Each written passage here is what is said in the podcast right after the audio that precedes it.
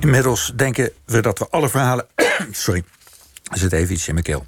Inmiddels denken we dat we alle verhalen uit de Tweede Wereldoorlog wel kennen.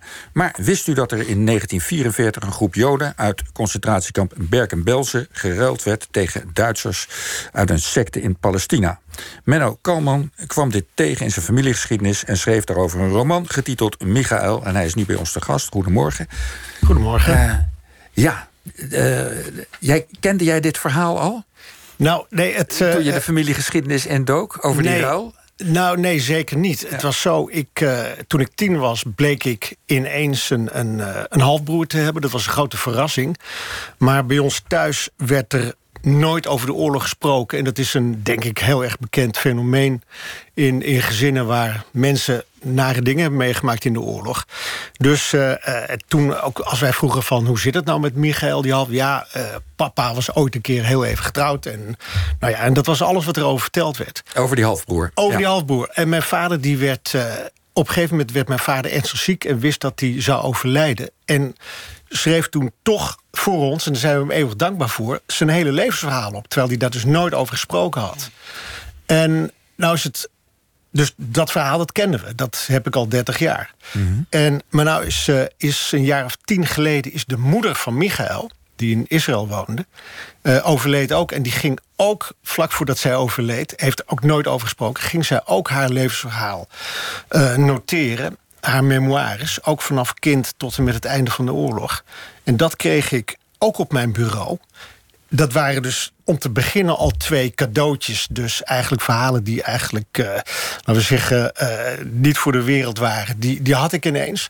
Maar toen bleek dat ik, wanneer ik die twee verhalen op elkaar legde, dat daar in het midden een, een ongelooflijk en een adembenemend en een bizar verhaal ineens ontstond. Namelijk over Michael, over mijn halfbroer hoe hij dat overleefd had. Want het ene verhaal vertelt het niet compleet... en het andere verhaal vertelt het ook niet compleet. Maar die twee verhalen samen. Dus mm -hmm. toen... Uh, en, toen... want, want, want Michael was in de oorlog nog heel jong. Michael was één in... Ja, dus die herinnert zichzelf niet wat er precies gebeurd is toen? Nee, nee Michael ja. die, uh, die vindt het prachtig dat ik daar een boek over geschreven heb. Maar ik weet er inmiddels veel meer van dan hij. Want hij was één en zijn eerste herinneringen zijn, zijn van na de, nadat hij in Palestina is aangekomen. Ja. Maar hoe komt een Joodse jongen van... hij zal toen vier of drie geweest zijn...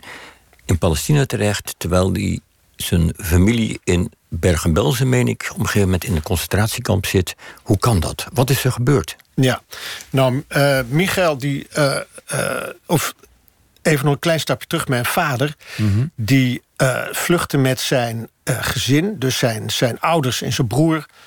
Um, ze waren gevlucht vanuit Duitsland Nederland. En toen vanuit Nederland, toen Nederland ook bezet werd...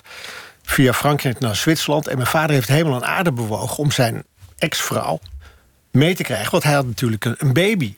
En een zoontje. En hij dacht van, ja, die mensen moeten mee. Maar die ex-vrouw die had een, uh, een beroemde vader. Dat was een, een schrijver die voor de oorlog in Duitsland heel erg bekend was. En die man die zei van, ja, ik ben zeer beroemd en mij doen ze niks. Mm -hmm. Dus zij wilde niet mee. En nou goed, mijn vader met zijn ouders en broers zijn gevlucht. Even uit nieuwsgierigheid, hoe heette die beroemde vader? Die heette Georg Herman. En die heeft, voor de oorlog heeft die, was hij net zo bekend als, uh, als Thomas Mann. Hij heeft uh, van zijn bestseller uh, Jetjen Gebert heeft hij meer dan 500.000 exemplaren verkocht.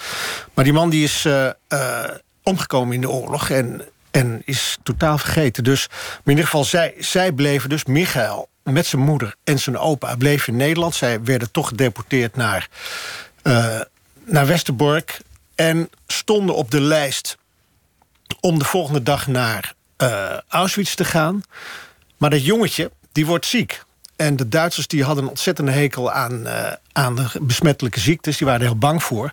Want dan zou dat hele geoliede uh, logistieke systeem van Eichmann zou dan in de war raken. Dus dat jongetje moest in quarantaine. De moeder mocht erbij blijven. Die vader werd wel naar Auschwitz gestuurd. Die is dus ook overleden. Dus die schrijver. Mm -hmm. um, maar dat jongetje en zijn moeder... die zijn dus eigenlijk toen voor de eerste keer uh, uit, aan de dood ontsnapt. Omdat hij ziek was en men dacht... Hij bleek niet ziek te zijn en... en uh, kwam na twee weken weer terug gewoon het kamp in met zijn moeder. En moest alsnog stond alsnog op de lijst naar Auschwitz. Maar, uh, maar dat liep toen heel anders. Ja, toen zijn ze naar Bergen-Belsen vervoerd. Toen zijn ze naar Bergen-Belsen vervoerd, want uh, mijn vader, die inmiddels in, in Zwitserland was aangekomen, die ontdekte een man in, uh, in uh, Genève. En dat was een, een diplomaat, een Joodse, Poolse Joodse diplomaat, Chaim Pasner. Deze man die had zich ten doel gesteld om, om Joden uit kampen te redden door ze op een lijst te, te zetten, de zogenaamde Palestina-lijst. En, en, uh, en uh, deze lijst, dat was een lijst, er kwamen mensen op en die werden geruild tegen uh, Duitsers die in Palestina gevangen waren. Want, zoals bekend, Palestina was Engels, mm -hmm. onder Engels bewind. En, en die, die Engelsen die hadden alle Duitsers daar gearresteerd. En dat, was een, dat waren uh, ja, dat waren mensen van de Tempelgemeinschaft. Dat was een soort uh, secte. secte ja. En uh, dus de bedoeling was om deze mensen te ruilen tegen Joden uit, uh, uit de kampen. En die Duitsers, dat is trouwens een, een pikant detail... dat de Duitsers die waren zeer welwillend... want die wilden die mensen graag terug hebben. Want die konden er gelijk door naar het oostfront... of sokken breien voor de soldaten. Het waren die tempeliers, even voor de helderheid... want dat zijn, daar hebben we het geloof ik over... dat zijn een soort nazaten van de kruistochten. Nee, nee, nee. nee, nee. Of niet? Nee, het, zijn, heeft niks met de tempeliers te maken. Het is de Tempelgemeinschaft. Oké, sorry. En uh, de historici hier aan tafel, die weten... de tempeliers, die is denk ik 13e eeuw of zo. Maar, en, maar goed, laten, laten we bij het verhaal blijven. Ja, sorry. Ja. Uh, ik, ik heb zelfs begrepen dat de Duitsers bereid zijn... ik geloof meer dan 400 mensen te ruilen. Ja, er, was, een, er was een rekensom gemaakt. En de, de, deze Chaim Pasner, dat, mm -hmm. die dus in, in, uh, vanuit Zwitserland zijn, zijn, zijn werk deed... die Um, die onderhandelde met. Dat was echt een diplomaat. Die kende iedereen. Hoge Duitse uh, mensen, Engelsen en van de geallieerden. En hij onderhandelde. En de Duitsers die zeiden van prima, zeg maar hoeveel Joden je uit de kampen wilt hebben. En zij wilden dus. Hij, hij kwam dus met 444 uh, mensen uit de kampen. En dat vonden die Duitsers vonden dat goed. Maar de Engelsen, die zeiden dat gaan we niet doen die zeiden wij willen er maar 222 hebben. En de, de gedachte erachter was van wij willen eigenlijk alleen mensen repatriëren. Dat zijn dus Joden die mhm. oorspronkelijk uit Palestina komen.